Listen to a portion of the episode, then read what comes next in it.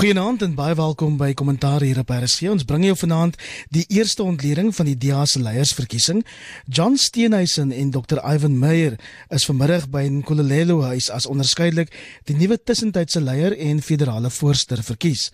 Ons bespreek ook vanaand die Suid-Afrikaanse lugdiens se verlammende staking en ons vra is dit die einde van SAL? Op die wêreldfront hou ons die openbare sittings dop om president Donald Trump in 'n staat van beskuldiging te plaas. En terug op eie bodem bekyk ons die ondersoek teen die maatdirektor professor Wim de Villiers vir sy beweerde onbehoorlike invloed op oudregter Edwin Cameron. Dis nou deur hom die posisie van universiteitskanselier aan te bied. Die politieke kommentators wat ons gaan help om van dit alles sin te maak is Jan Jan Joubert, die skrywer van die nuwe opspraakwekkende boek gaan Suid-Afrika oukei wees. Welkom Jan Jan.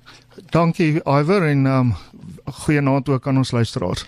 Op die lyn is Max de Pre, hy is die hoofredakteur van die Vrye Weekblad. Nancy Max. Goeienaand Iver. En dan sê ek goeienaand aan Hendrik Weingart, 'n bekende rubriekskrywer vir die Burger en Beeld. Hallo, welkom Hendrik.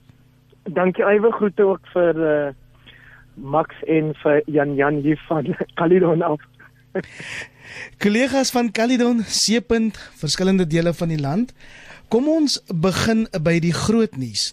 Die nuutverkose tussentydse leier van die DA, John Steenhuisen, onderneem om sy verkiesing vanmiddag in die grootste terugkeer in die politieke geskiedenis te omskep. Dis sy eie woorde. Jan Jan, is dit die begin van die einde of dalk 'n opwindende nuwe begin vir die DA? Wel, dis definitief die begin van 'n nuwe fase vir die DA. Um dit volg op sekerlik een van die mees dramatiese episodes in die DA se veelbewoë geskiedenis. Ek sou sê die tweede mees dramatiese na die uitstap van die Nasionale Party in 2001. So, um wat dit hierop neergekom het is dat die Federale Raad van die DA 'n tussentydse leier en 'n tussentydse um nasionale voorsitter moes aanwys en hulle het dit gedoen. Um na die beste van my inligting het um meneer Steenhuisen vir Makashule Ghana, die ander kandidaat met 97 stemme teen 33 geklop en um Dr Ivan Meyer het 'n gemaklike oorwinning behaal vir die posisie van nasionale voorsitter met Dr Noma French Mbombo die uh, Wes-Kaapse LER vir gesondheid en vroue leier van die DA tweede en meneer Kumira Malifo Gautengse lid van die provinsiale wetgewer in die derde plek. Max meneer Steenhuisen het duidelik die meeste van die DA stemme vanmiddag gekry, ek dink iets soos 3 kwart van die stemme. Maar ons hoef net na die uiteenlopende Twitter reaksie te kyk om te weet dat ras steeds 'n groot kwessie is in Suid-Afrika en beslis ook in die toekoms van die DA. Hoe lyk die pad vorentoe vir die amptelike oppositie? Ja, ek is bly eh, my naam is nie John Steenhuisen nie. Ehm um, daar's geweldige hoë verwagtinge uh, aan hom. Ehm um, en nie net in die DA nie, die res van ons in hierdie land ons demokrate sê ons het 'n sterk oppositieparty nodig om die regerende party in toom te hou. En die amptelike oppositie, die DA, is nou in die knyp. So dit is belangrik vir ons demokrasie dat uh, John Stones John Steenhuisen homself ingrawe en en die party lewenskragtig hou. Uh, of hy gaan slaag daarin, die wil ek nie 'n voorspelling waag nie. Ek dink nie dit gaan veel swakker gaan uh, met die DA nie. Ehm um, maar of dit beter gaan gaan, ehm um, begin ek ook betwyfel. Uh Ivory weet die die die hele dring daai en ek dink baie van ons luisteraars sal 'n bietjie gefrustreerd hiermee oor hoe belangrik is ras. Nou dit gebeur nou in die tyd wat ons Springbok span die wêreldbeker gekry het en teruggekom het met 'n absolute ongekende geesdrif reg deur die land, ras, klas, alles deurmekaar. Hoekom is dit so? Is meestal omdat ons kaptein is swart. So hoe lank, hoe hoeveel Helen Zille of wie ook al wil sê ras maak nie saak nie. Dit maak saak. Dit maak saak is 'n ongemaklike waarheid. En ek dink daar is 'n ontkenning onder die sogenaamde klassieke liberale uh in die DA wat wil sê ons on, ons is steurblind. On, ons kyk hier verby.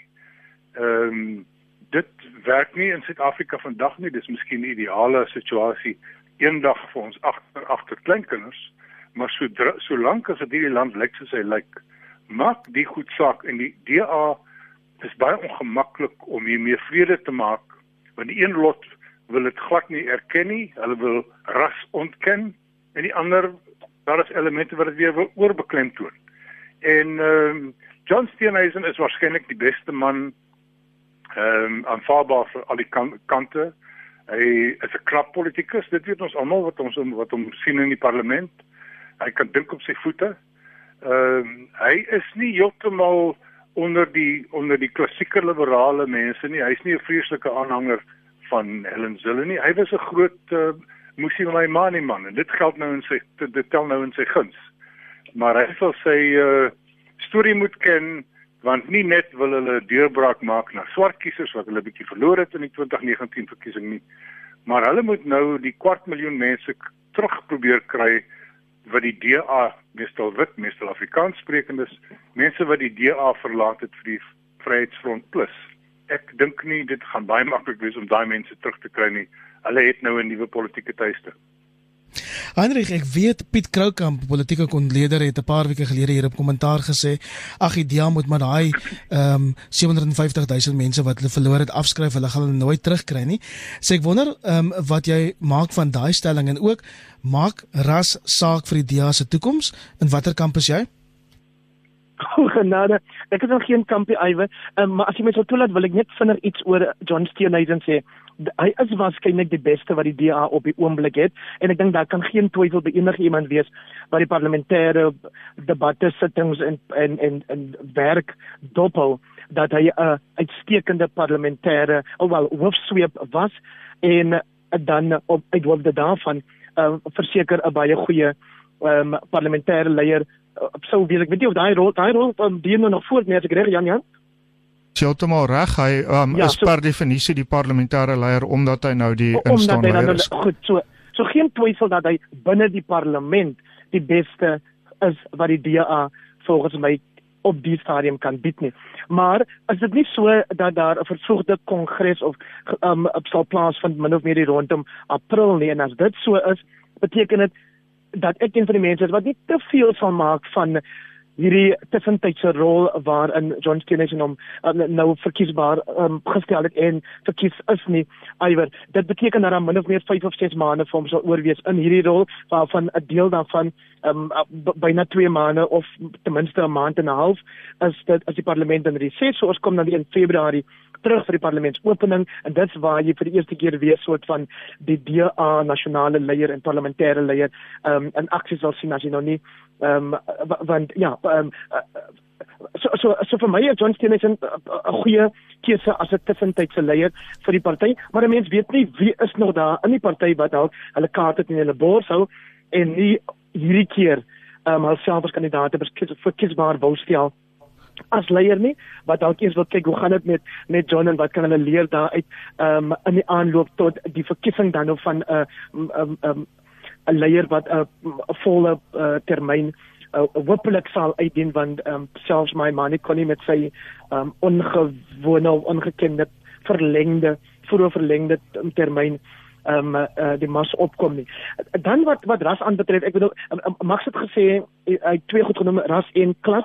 Ek sou 'n derde element byvoeg en dis ongelykheid wat met daai twee te maak het en as jy ehm um, na John geluister het uh, vandag na sy verkiesing dan het hy um, met een oog oor op 'n voorbereide verklaring um, om seker te maak dat hy sy woorde baie goed kies, het hy gesê dat ehm um, jy weet ons ons uh, well hy het gesê as kom ek kan aanhaal and I want to be um, explicit and clear that the DA believes that the legacy of apartheid must be corrected through targeted redress die dilemma vir die DA was was nou soos wat Max ook uitgespel het dat hulle sê maar hoorie daar ons wil nie hier met soveel gemaak het van daar's nie of eintlik bestaan ras nie of um, weet jy ja daar moet regstelling kom maar uh, kan dit asseblief nie op grond van ras wees nie? Wel die feit van die saak is dat ons het hierdie ongelykheid in die land. Ons het hierdie agterstand in swart gemeenskappe in 'n generiese sin vir geen ander rede as dat ras in die verlede gebruik is om hulle agter te stel nie en om ander mense te bevoordeel nie. So jy kan nie en jy sê dit dit is my pynlik om dit te moet sê. Maar 'n wit leier kan nie in hierdie land vandag sê ons moenie ras gebruik as 'n maatstaf vir regstelling nie. Ek stem saam daarmee dat jy kan wragtig nie nou nog kyk na 'n Patrice Motsepe en 'n Cyril Ramaphosa en 'n Tokie Segwale en dan kan jy binne meer by so 5 6 name uit wat vir, ewig voor voorgehou word as 'n teken dat nie alle swart mense aan die agterspeen sê nie, maar kyk maar na daai ongelykheidssyfers wat die afgelope week deur statistieke in Afrika bekend gemaak het. Dat dit gaan en as ek ek dink Andre ek gaan nou dan die rede val want lyk my jy het nou 'n bietjie van 'n swak lyn daar op Caledon. Maar intussen gaan ek vir ehm um, Jan Jan vra om te reageer op van die dinge wat hulle nou gesê het Jan. Jan Jan Ja, ek dink die uitdaging vir die DA is dat dit is amper nie vir die DA om te sê jy weet dat ras nie geld nie of of dat dit wel van toepassing is. En ek dink die uitdaging wat die DA gaan hê is ook dat daar binne die party sulke groot verskille daaroor is. En um, John Steenhuisen staan daar 'n bietjie links van um Helen Zille en hy sal weet dat hoewel hy nou die waarnemende leier is, is sy die ene wat die gewildste in die party is. So hy gaan moet sorg dat hy nie aan haar verkeerde kant kom nie. Ek sê nou nie sy gaan daarop uitwees om hom te te kry nie, maar indien sy wou, sou sy waarskynlik kon. En um haar stellings oor ras is baie baie eksplisiet en dit is dat ras moet geen rol speel in die Suid-Afrikaanse politiek nie en geen rol speel in die DA nie. Dis nie dieselfde wat meneer Steenhuisen vandag gesê het nie. En soos Dr. Ivan Meyer, die uh, aangewese federale voorsitter, gesê het, is die volgende groot stap vir die DA is hulle beleidskongres en dit is waar daardie tipe ding geweldig uitgespeel gaan word. Maar um mens moet oppas om ras nie as 'n faktor te sien as dit met jou relatief goed gaan vergeleke met die res van die mense in die land nie. Op dieselfde manier dat Engelse mense nie maklik moet praat oor die bedreiging wat daar vir Afrikaans is of die jy weet die ondergrawing of die agteruitgang van Afrikaans as openbare taal nie, want hulle dink nie dis so vreeslik belangrik oor die algemeen nie. Maar as jy self geraak word, dan sien jy dinge soms anders en ek dink dis 'n goeie tyd ek het dit al op die program gesê oor armoede vir wit mense om te luister eerder as om te veel te sê. So goed, Max, nou die DA3 eenheid in die vorm van John Steenhuisen, Dr. Ivan Meyer en ook Helen Zille. Dis die drie DA leiers wat die party nou tot by die verkiesingskonferensie, ek dink is in April 2020 gaan moet bring en nie te lank daarna nie ook die munisipale verkiesings. Wat moet hulle doen om die toekoms van die land se tweede grootste party te stabiliseer en dan hopelik ook vorentoe te vat? Ehm um, ja, want ons het 'n sterk oppositie nodig. Ja, ek dink uh, Iver Jan Jan het nou daaraan geraak. Ons sit met die uh met die dinamiek van John Steenhuisen en Ivan Meyer. En Ivan Meyer terloops ehm um, het ook hoë agting. Uh ons moet nie net praat van Johnny Ivan Meyer is 'n is 'n bewese politikus en daar's mense wat hom geweldig hoog aanskryf. Hy's baie bekwam. Uh en gewild. Maar dan sit jy met die Zille faktor. Helen Zille duld nie dat mense haar te praat nie. Sy duld nie vreeslik ander standpunte as haar eie nie. En Jan Jan sê hy dink nie hy dink Helen is baie meer gewild as John Steenhuisen want een van John Steenhuisen se se eie take wat hy self beskryf het onlangs by die persraad is hy moet vir Helen hulle in haar baan hou so sy self gesê het ek gaan in my baan bly toe sê hy maar hy sal vir haar wys waar die geel lyne hy het dit tot dusver nie gedoen nie Ehm uh, mevrou Zille is in die laaste 2 weke in verskeie onsmaaklike Twitter bakleie betrokke wat vir die party ontsaglik sleg was. En John Steenhuisen kan nie wag om haar te betug nie. So dit werk nou als op na na eers die beleidskonferensie en dan die kongres waar die leiers gekies word. Om jou vraag anders te beantwoord. Ek dink die DA sal ons sal sal die kiesers se verbeelding moet aangryp. So half 'n bietjie van 'n toerkunsie maak en sê ja, ons gaan ons gaan goed besluit oor ras op ons konferensie, maar kom ons kom ons kom ons vertel vir julle iets anders. Hier is ons planne. Hier is ons planne om armoede uh ehm um, te te werk. Hier is ons planne om plaaslike regerings weer te laat werk. So moenie moenie kon ons laat ons nie praat oor ideologie kom ons kyk na wat ons kan doen en dat hulle so half 'n blaadjie gaan leen by Afriforum en ek dink amper mense sluk nou wind as ek dit sê wat wat werklik waar goeie goed op die grond doen wat 'n verskil maak aan gewone mense. Uh, ek dink die DA uh, moet lesse gaan leer by die Amerikaanse verkiesing waar waar daar kandidate is wat eintlik ver links staan maar amper bo aan die lys staan van kandidate in die demokratiese party omdat hulle kom met vindingryke voorstelle, met praktiese voorstelle. Dit is hoe ons dit gaan doen. Ek dink John Steenhuisen het vandag ook gesê en ek dink dis goed dat hy dit gesê het. Ons gaan nie meer net vir julle sê hoe sleg is die ANC nie, ons gaan vir julle sê hoe lekker is die DA. Heinrich, kom ons staan vir 'n verdere oomblik stil by Dr. Ivan Meyer, ehm um, wat die nuwe federale voorsteur is. En ek besef dis op hierdie stadium grootliks 'n seremoniële rol, maar hy kom soos Max sê het met baie ervaring, groot ondersteuningsbasis. Ehm um, kan hy saam met John Steenhuisen vir Helen Zille wys wat die geenlyne is om dan in haar baan te wys, weet? Kan hy 'n groot verskil maak in die pad vorentoe vir die DA? Ivan, ek dink Dr. Ivan Meyer is eerstens bekend as jy weet ou wat as 'n tegnokraat baie goeie werk doen. So so jy weet as jy vir hom 'n job gee, sal hy daai job kan uitvoer. Maar wat jy met Helen Zille nodig het is nie net die party se gedragskode of reëls en regulasies nie. Jy het iemand nodig wat met daai ek wil amper sê, jy weet van aangesig tot aangesig kan praat.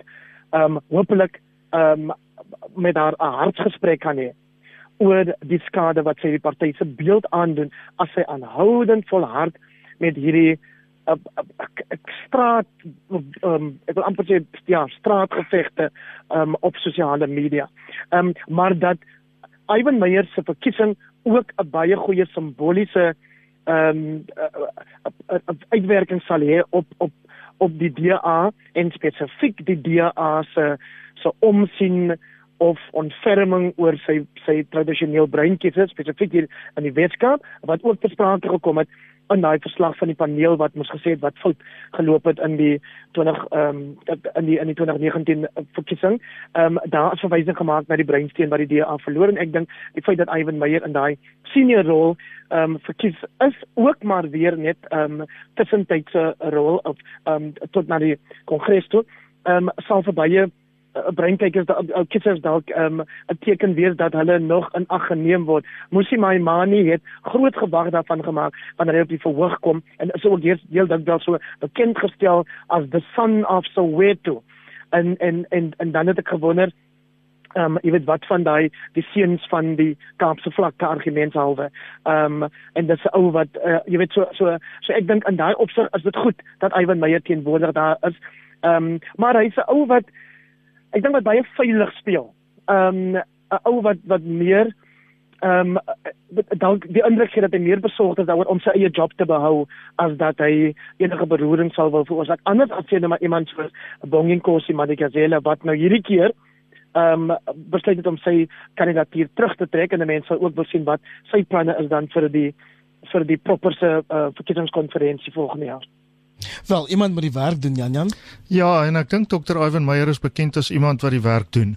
Um kyk, hy is hy was leier van die DA in die Wes-Kaap in 'n tyd wat dit met die DA in die Wes-Kaap baie goed gegaan het. Hy is 'n seun van Vredendal en deesdae 'n man van Brackenfell. Um min of meer baie naby aan waar jy groot geword het, Iver. En um ek dink wat ons na moet kyk egter is of hulle die gety kan draai. Ons het drie tussenverkiesings gehad in die Wes-Kaap in oorwegend bruin gebiede in Vredendal, Hoeka en in um Tafelsig Mitchellsplein en in 'n deel van Kuilsrivier waar die DA redelik agteruit geboer het. Nou um ons sal sien wanneer die volgende oorwegend bruin tussenverkiesing kom, maar die volgende oorwegend wit tussenverkiesing is hierdie Woensdag op Tabazimbi in Limpopo waar Helen hulle 2 dae van die afgelope week deurgebring het om stemme te werf. En dit is 'n gebied wat tradisioneel sterk um ondersteuning gebied het in die vorige bedeling aan regse partye en ek seker die Vryheidsfront gaan voluit gaan om daai wijk by die DA af te neem. Ons sal dit dop en dan volgende Sondag aand op kommentaar daaroor praat. Bly ook ingeskakel môreoggend op Monitor vir 'n verdere ontleding van vandag se DA leiersverkiesing. En van Nkululeko huis in Johannesburg tot die Withuis in Washington DC. Elke week in die politiek is wild en vreemd, maar president Donald Trump van die FSA het van dese week 'n hele paar terugslae beleef. Die proses om hom in 'n staat van beskuldiging geplaas te kry, het met drie baie geloofwaardige getuies begin en Max die York Times het ruk terug amper 'n hoofartikel verklaar of gevra will Trump ever leave the White House. Dis 'n gelaaide vraag, maar ek wil hom vanaand vir jou vra. Ja, dit lyk nie vir my uh of hy gaan uh die die pos verlaat voor die verkiesing, die volgende verkiesing in die einde van volgende jaar nie. Want uh hoe hoe goed hierdie impeachment proses ook al verloop en ek meen dit is verstommend hoe die getuienis opstapel teen hom. Uh dit die die republikeine maak dit duidelik hulle hoor niks en sien niks en sê niks. Uh hulle is die drie apies. Uh hulle gaan blind weg agter die president staan en natuurlik dan kan impeachment uh nie werk in die senaat nie waar die republikeine die meerderheid het. Die vraag is dan of die president so sterk uh skade aangedoen kan word in hierdie in hierdie impeachment proses. Ekskuus, ek gebruik maar die woord impeachment want ons kan nie elke keer praat van die staat van beleg waarin hy geplaas of staat van beskuldiging waarin hy geplaas is. Geplaas is nie. Ons gebruik maar impeachment ding. Die impeachment debat loop vir die vir die uh, demokrate baie goed want ambassadeur Ivanovich hierdie week ehm um, was nogal 'n lae hou vir die president en die twee diplomate voor haar was almal al twee al drie van hulle is professionele diplomate. Hulle hulle is aangestel ook deur Republikeinse presidente en hulle kom met alle lange diens. Ehm um, hulle het hulle selfwaardig gedra. Hulle is nie never Trumpers nie. Uh ek het 'n vermoede dat van hulle uh, is in elk geval Republikeine gewees en die die president se kinderagtige optrede om in die middel van ambassadeur Ivanovich se getuienis te tweet dat sy is 'n useless mens. Oh. Kyk net maar wat gebeur het in Somalia sê hy was sy was. Nou wat wil hy sy moes reggekry het in Somalia. Ehm um, maar die die nasie daar is verdeel en is interessant ons praat van hoe ons verdeel is. Kyk hoe verdeel is Brittanje. Kyk hoe verdeel is Amerika. Kyk hoe verdeel is die meeste van die Europese lande op die oomblik. Dit is die dis die zeitgeist op die oomblik. En uh, nee, ek dink uh, daar sal water in die see moet loop heel wat meer uh voor uh president Trump die verkiesing gaan verloor. Daar's nie 'n vreeslike uh charismatiese kandidaat nie. Dis Joe Biden, die vorige visiepresident. Hy's oud, hy's 'n bietjie skaduwee oor sy seun. Uh en dan is daar 'n klomp redelik middelmatige mense wat nie die verbeelding van die van die nasie gaan aangryp nie. Heinrich, hoe verskil wat ons die week in die FSA beleef het van ons eie proses 'n paar jaar gelede toe daar ook pogings was onthou jy om van oud president Jacob Zuma ontslae te raak om hom in 'n staat van beskuldiging geplaas te kry? Ek weet ek dink wat ons hier gehad het is 'n president wat gemeet aan enige standaarde ehm um, maar net die grootste flop was in ons uh, beslis in ons na apartheidsgeskiedenis. Ehm um, in Amerika het jy op die oomblik iemand wat jy seker kan beskryf as die almagtige oortreder van alle reëls. Net Donald Trump se waarheid geld vir Donald Trump. Maar hier is die dilemma. Dit is ook so en hy vertel dit op elke by elke geleentheid wat hy kry om dit te vertel dat dit verskriklik goed gaan met die ekonomie in Amerika op die oomblik. Ja. Dat die werkloosheidsyfers wat nie hy saamstel nie, maar wat die staat en ander ehm um, nie-regeringsorganisasies vir jou kan, kan bevestig is op die laagste in 'n baie lang tyd. En dit is wat hom so sterk maak. Ehm um, want in Amerika dink ek op 'n manier meer as hier by ons is dit soort van die die groot maatstaf as dit kom by 'n leier. Jy kan die stupidste goed aanvang, maar as dit goed gaan met die ekonomie, dan sal jy baie vergewe word. Nou, die goed wat Donald Trump kwytraak en die dinge wat hy doen, is net soos 'n jy jy kan jy, jy wens heeltyd dat dit 'n nare droom is waar jy wil wakker skrik. Um in Jacob Zuma se geval was dit wette wat hy oortree het al al dis nou nie op alles um skuldig van tot op hierdie stadium nie en daarom was daar hierdie pogings om net te sê kyk ons kan nie voortgaan met hierdie ou wat die land en ons ekonomie en noem dit maar sommer die die ehm um, dat ek nie soos Max opnoem met my taal van mengie maar ek weet nie wat jy Afrikaans vir social fabric nie alles tot nie laat gaan dit ehm um, gedurende sy termyn. Ehm um, dat hy nog 'n ruk lank kon oorleef um, was oor die binnepolitiek van die ANC, maar God dank het op so van hom ontslaag geraak.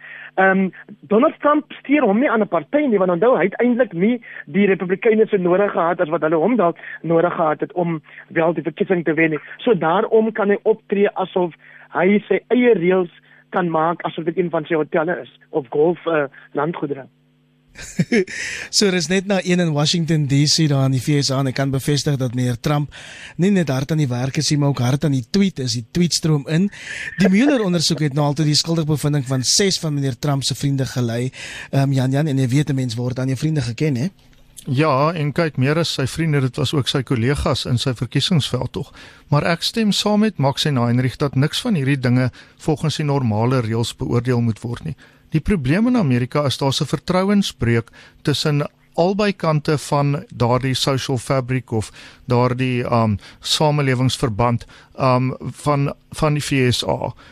Um waar mense net glo wat hulle kanale vir hulle sê aan die demokratiese kant word daar glad nie geglo wat Fox News sê nie of wat ja. meneer Trump sê nie en aan die republikeinse kant word daar nie geglo wat CNN sê of wat Nancy Pelosi of enige iemand van die demokrate sê nie. So die vraag volgende jaar is ek bevrees vir die verkiesing gaan doodgewoon wees wie kan sy kiesers uitkry.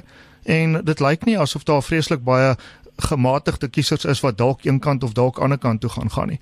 Nou natuurlik, daar is die mark vir die demokrate waarskynlik groter, want jou stempersentasie is die laagste onder jou swart en latino bevolking.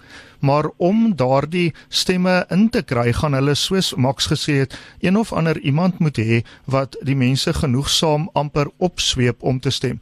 En dit lyk op hierdie stadium of die stryd is tussen Joe Biden en Elizabeth Warren en um Elizabeth Warren baie slim vrou, baie vooraanstaande senator senator van Massachusetts maar um, ons het al um, slim vroue van die noordooste van Amerika gehad wat gestaan het en Trump het maalvleis gemaak van die vorige ene. Ons sal moet sien of Elizabeth Warren wat wel is waar arm groot geword het daar in die suide van Amerika, kan nie presies onthou watter staat nie, maar ek dink dit is Oklahoma. Ja, ek dink ek's reg. Jy weet so sy het daarom daardie wortels, maar het sy daai wortels ontgroei soos wat um, Hillary Rodham Clinton Arkansas ontgroei het? gaan die mense in Michigan en in Pennsylvania en in Wisconsin en in Ohio. Die mense wat die verkiesing vir meneer Trump gewen het, die bloukraag witwerkers, gaan hulle omswaai om meneer Biden of mevrou Warren te ondersteun teen meneer Trump? Dit gaan moeilik wees. As jy sopas mens ingeskakel het, dis kommentaar regstreeks vanaand van uitsepend um, hier op 100 tot 104 FM. En nou verander nuus terwyl die Suid-Afrikaanse lugdiens pleklik begin het om sommige van sy internasionale vlugte te hervat, blyk dit dat selfs die wat staatsbeheerde ondernemings moet regryk gereed is om die handdoek in te gooi met SAL. SAL is meer as 40 miljard rand in die skuld. Max is die staking wat ons tans beleef, nie die laaste strooi nie. Ja, dit lyk amper so, wil dit lyk amper so. Ehm um, dit maak my skoonmoedeloos. Ek sit vanaand en kyk na 'n uh, Pakamile Shrubi Majola wat wat noem sy se woordvoerder is. Waar sy sê die vliegtye wat vandag vlieg van die SAA, julle moenie daarop vlieg nie, dis onveilig, julle gaan val. Ehm um, wat 'n absolute roekelose uh, onwaarheid is om te, te sê maar maar wat is nou die grootste afskrikmiddel of iemand om nie te vlieg nie as jy sê daai vliegtuig is nie veilig nie. En sy het die ding uit haar duim uitgesuig. Uh noem sy die ding uit hulle duim uitgesuig en dit wys jou op op 'n onverbiddelikheid en 'n uh, uh, uh, houding dat ons gaan wen al al al trap ons hierdie lugdiens in die grond in. Nou dit lyk of dit wel gaan gebeur. Ehm um, ek kan nie sien dat as die as hierdie staking verder as sê volgende week gaan duur dat daar nog iets te redde gaan wees. En ek sien rapport sê die mense, die gewone mense dink ja, laat hulle net maar die ding in die grond in in staak. En ek dink dis waar baie mense voel so. Ek voel ook die ding moes lankal al geprivatiseer gewees het. Uh, dit is dit is nie 'n uh, regtige nasionale bate waaraan ons soveel miljarde moet spandeer nie. Maar as ons hierdie hierdie eiendom van die regering nou tot nul maak, beteken dit die skuld moet ons nog steeds betaal. So as ons iets kan red hieraan, dan kan ons nog na Richard Branson toe gaan en ons kan nog na Ethiopian Airlines toe gaan en sê koop uh, 49%. Maar as ons hom vernietig, uh, dan sit ons net met 40 miljard rand wat ons in elk geval moet betaal en kan ons nie paar vliegtuigies uh, verkwansel. So miskien het sit ons hier met 'n ding waarvan ons almal al lank al gewag het is die is die die vakbonde en die ANC regering wat mekaar in die oë kyk en gaan staar en wie gaan eerste uh, oogies knip. Ek was 'n paar weke gelede in Ethiopië terloops en ek het daar in een van die koerante gelees dat Ethiopian Airlines um, hulle oog op die Suid-Afrikaanse lugdiens het. Hendrik ons weet dat SAL al jare der jare lank op reddingspakkette oorleef en ek wil by Max aansluit, wat is daar nog om gered te word? Het ons regtig nog ons eie lugdiens nodig? Maar ek dink mense wat hierdie goed baie beter as as ek self verstaan uh, sê in elk geval vir baie lang tyd daar is geen nodigheid of noodsaaklikheid vir 'n land om 'n sogenaamde nasionale lugredery te hê. Dit is dit het, dit ek wil amper sê meer met ons ego te doen as 'n regering as as met enigiets anders. Ehm um, dit is natuurlik altyd jammer en en daarom verstaan ek ook dat Nomsa so te kere sal gaan ehm um, wanneer werksverliese ter sprake is. Nou goed. Wat jy nou hier het is 'n uh, 'n vakbond wat aan die een kant bes, baie goed besef dat het, dat die die die Israel 'n groot moeilikheid is. Maar hulle steur hulle nie soveel aan daai groot moeilikheid nie. Hulle wil steeds verhogings hê vir hulle werkers. Uh, ekskuus vir hulle lede en die werkers dan nou. Hulle wil steeds al die voordele hê wat werkers moet kry want dis nie hulle skuld sê hulle dat aan bestuur se kant uh, um um opge, opgebogger is nie. En en dit verstaan mense, maar miskien gaan hulle ons help hierso deurdat daar uh, jy weet as die die mooi maniere van Israel ontslaat raak dan nou nie werk nie, laat dit dan nou in baie stort weens hierdie staking en hierdie roekelose uitsprake wat Max ook genoem het van hierdie um, vakbond woordvoerder. Rapport is baie duidelik daaroor vanoggend in in sy um, redaksionele kommentaar dit sê die regering moet terugstaan en die Israel toelaat om in daai te stort, maar soos Max ook sê, daai 28 miljard rand se skuld wat die afgelope 13 jaar maar opgebou is, die 500 miljoen rand wat per maand verloor word, die 50 miljoen per dag wat ehm um, tans per dag ehm um, weens die staking verloor word. Daai da geld sal nog steeds op 'n manier moet betaal word vir vir diensverskaffers en dies meer. Ehm um, so so ek ek weet regtig wat wat die uiteinde gaan wees, sê maar mense kan net hoop dat die regering soos wat hulle nou hopelik met Eskom sal regkry dat hulle ook sal kyk na ander maniere om seker te maak dat hierdie las op die staat en um, uiteindelik op die belastingbetaler verlig of weggeneem sal word. Jan Jan, jy het bietjie vars nuus oor die SAL staking. Ek het ja en dis kommerwekkende nuus. Na die beste van my inligting gaan daai kwessie ter sprake kom op die ANC se kokesvergadering hierdie donderdag en is meneer Pravin Gordhan die minister van openbare ondernemings aangesê om 'n inset te lewer aan die ANC kokes. Um dis nog vroeg in die week, baie dinge kan verander, maar die aanvanklike gevoel is dat die ANC caucus nie noodwendig te vind gaan wees daarvoor dat die regering terugstaan en die SAL in duie laat stort nie. Um so hulle die SAL het 2 miljard rand nodig nou om aan die gang te bly dadelik. Nou Tito Mboweni sê, um die minister van finansies, jy weet die SAL is nie te groot om te misluk nie en um ons het nie die geld nie dit nou wat ek verstaan maak dit weinig indruk op die agterbankers van die ANC en gaan daar dekselsharde werk voorlê vir die Ramaphosa kamp om te keer dat die hele appelkar nie omval donderdag in die kokes nie Nog 'n onderwerp wat ons die week op um, sal dophou en dan volgende Sondag aand um, waarskynlik op die program sal bespreek. En van SAL tot Matiland, die verhouding tussen oudregter Edwin Cameron en die rektor van Universiteit Stellenbosch, professor Wim de Villiers is weer in die kollig. Die poppe het donderdag aan behoorlik gedaan, so daar besluit is om 'n afgetrede regter buiten voor die aan te stel om 'n onafhanklike ondersoek teen professor de Villiers te lei. Ehm um, Max ter wille van die luisteraars wat nie in die skaduwee van Tafelberg woon nie. Ehm um, wat is die storie hier? ja, dis 'n onverkooflike verhaal. Uh basies loop dit so ehm um, 'n drukgroep in die naam van Gelyke Kanse wat vir Afrikaans uh op Stellenbosch beklei het 'n uh, hofsaak uh, aanhangig gemaak of liewer het het 'n saak verloor en toe na die konstitusionele hof gevat om om te probeer om Afrikaans te laat herstel as 'n onderrigtaal op Stellenbosch. En regter Edwin Cameron was een van die 11 regters wat die saak moes aanhoor. Terwyl die saak in, nog nie heeltemal klaar was nie, het die rektor uh, van Stellenbosch vir Edwin Cameron ge gebel en gesê ehm uh, is hy bereid om homself beskikbaar te stel vir die vir die nuwe kanselierskap want die die hy die uitredende kanselier Johan Rupert se termyn is verby. En Edwin Cameron het gesê ek kan nie nou met jou daaroor praat nie, ek het hierdie saak voor my. Nou hiervan af raak goed dan 'n nou bietjie meer deur mekaar. Edwin Cameron en die rektor Wim Villiers sê dat gelyke kansse se regspan het toe vir Edwin Cameron gesê hulle het geen beswaar as hy bes beskikbaar stel as 'n kandidaat nie. En hy het hom toe beskikbaar gestel en hy is toe hy is toe so verkies as die kanselier van Stellenbosch. En nou word daar gesê dat Wim Villiers het oneties opgetree en Edwin Cameron het het oneties opgetree om hierdie uh, onderhandeling te sogenaamde onderhandeling of interaksie te hê terwyl die saak nog nie klaar is nie. Vir my, ek sê dis onverkooplik, want ek dink Stellenbosch kan baie baie gelukkig wees om iemand van die van die kaliber van Edwin Cameron te kry as kanselier.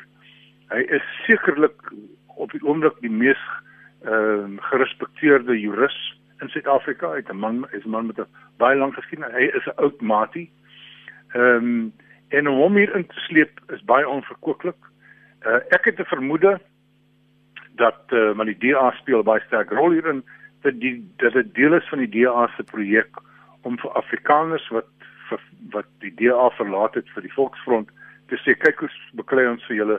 En ongelukkig ehm uh, word dan nou lank skaduwees gegooi oor 'n man van absolute integriteit Evan Cameron. Maar dit is korrek uh, dat daar nou regter aangestel word want as daar as daar 'n twis is kom ons beslegte op die korrekte manier Heinrich, ek gaan jou vra om dit kort en kragtig te hou terwyl hulle van die tyd maar by Max aan te sluit. Dit lyk nou dat die DAM nou om watter rede ook al by hierdie hele gemors inverf. Ryk dit nie vir jou na politieke opportunisme nie? Dit is ehm um, dit is dalk so iwer maar ek dink ehm um, die die die die feit dat regter Cameron vir die universiteit gesê het van wat ons weet, luister ek kan nie so iets oorweeg nie want ek moet hierdie uitspraak um, skryf en en en um, en wat hy tot eintlik gedoen het. Hy het eers word deur die universiteit ook vertel ingestem ter universiteit of dan professor Wim de, Vlie vir hom gesê het gelyke kansse is gemaklik daarmee die ander party of liewer die aansoek um, party in daai saak uh, gelukkig daarmee dat hy homself verkiesbaar stel. Hy was baie duidelik daaroor in die korrespondensie wat wat bekend gemaak is. So ek dink um, soos Max sê dit is baie jammer dat hierdie wolk van omstredenheid nou oor die regterhang, maar ek dink vir sy eie um, vir sy eie beeld, vir sy eie goeie ehm um, karakter, moet hy maar gewoon ehm um, um, wegstap van hierdie van hierdie pos af. Um, wat baie jammer sal wees want ek weet nie wie is daar wat ehm um, jy weet daai soort kaliber is wat uh, 'n onkreekbare karakter het dat 'n mens wat 'n mens wil sien in 'n kanselierskandidaat ehm um, in die so die die ag nee wat ek dink jy daar gaan veel kom van wat hulle nou probeer doen nie. Die die feit van die saak is as daar 'n verkeerde ehm um, weergawe van gelyke kansse so so steun al dan nie vir Edwin Cameron se kandidatuur aan hom voorgehou is dan moet ehm um, 'n regter Burton daai antwoorde kry in die in die ondersoek wat op Burton vir die die, on, die antwoorde kry in die ondersoek wat hy nou moet moet loods. Jan Jan Ja, ek dink um mens moet net een ding baie baie goed in in ag neem op die oomblik. Ons ken een weergawe van wat daar gebeur het, want daardie weergawe word die hele tyd in die openbaar um jy weet weergegee en um na die beste van my verstaan is daar ook 'n ander weergawe wat dan voor regter Burton vir u sal dien. En um ek dink mens moet wag tot jy daardie weergawe gehoor het voordat jy te vinnig tot 'n oordeel kom. Die vraag hier is baie voor die hand liggend. Eerstens is dit sekerlik nie professor De Villiers vir wie ek die hoogste agting en ondersteuning het um vir sy werk wat hy doen by die universiteit se beste oomblik gewees toe hy vir regter Cameron um, genader het terwyl Cameron besig was met 'n saak waarby die universiteit betrokke was nie. Die vraag wat 'n mens jouself sou kon afvra en ek het nie regs agtergrond nie, maar is net miskien om die gesprekke bietjie breër te maak. Is was daar enige verband tussen die um tussen die rektor se se vraag aan Cameron om homself as kanselier beskikbaar te stel en die uitspraak wat gelewer is. Tweedens, het regter Cameron hoe genaamd die besluit geneem as gevolg van wat um professor De Villiers vir hom gesê het of was daar dalk 'n proses wat later gebeur het waarmee die rektor niks te doen gehad het nie? Ons sal daai met met belangstelling volg maar ek dink enige iemand wat te vroeg besluit die um gaan miskien in 'n slaguister trap soos um, professor De Villiers 'n paar jaar gelede vir my op Stellenbosch gesê het, I'm a De Villiers, not a De Villiers. En regter Burton sal moet gou spring want ek dink hulle verwag dan daai verslag op die 2de Desember, dis oor 2 weke. Dis waar ons gaan met haltroep vanaand hier op kommentaar. Baie baie dankie. Um, altyd 'n voorreg om met jou te praat, Jan Jan Joubert, politieke kommentator, skrywer van die boek Gaan Suid-Afrika okay wees. Baie dankie Iwer en 'n lekker aand vir ons luisteraars. Ook duisend dankies aan Max de Pre, die hoofredakteur van die Vrye Weekblad Nancy Max. Dankie, goeienaand aan almal. En Hendrik Weingard, bekende rubriekskrywer vir Die Burger en Beeld. 'n Voorreg Hendrik. Dankie Ivan, geluk ook met die verskyning van jou boek For the Love of the Land. O, baie dankie. My naam is Iver Price. Groetnis tot volgende Sondag aand.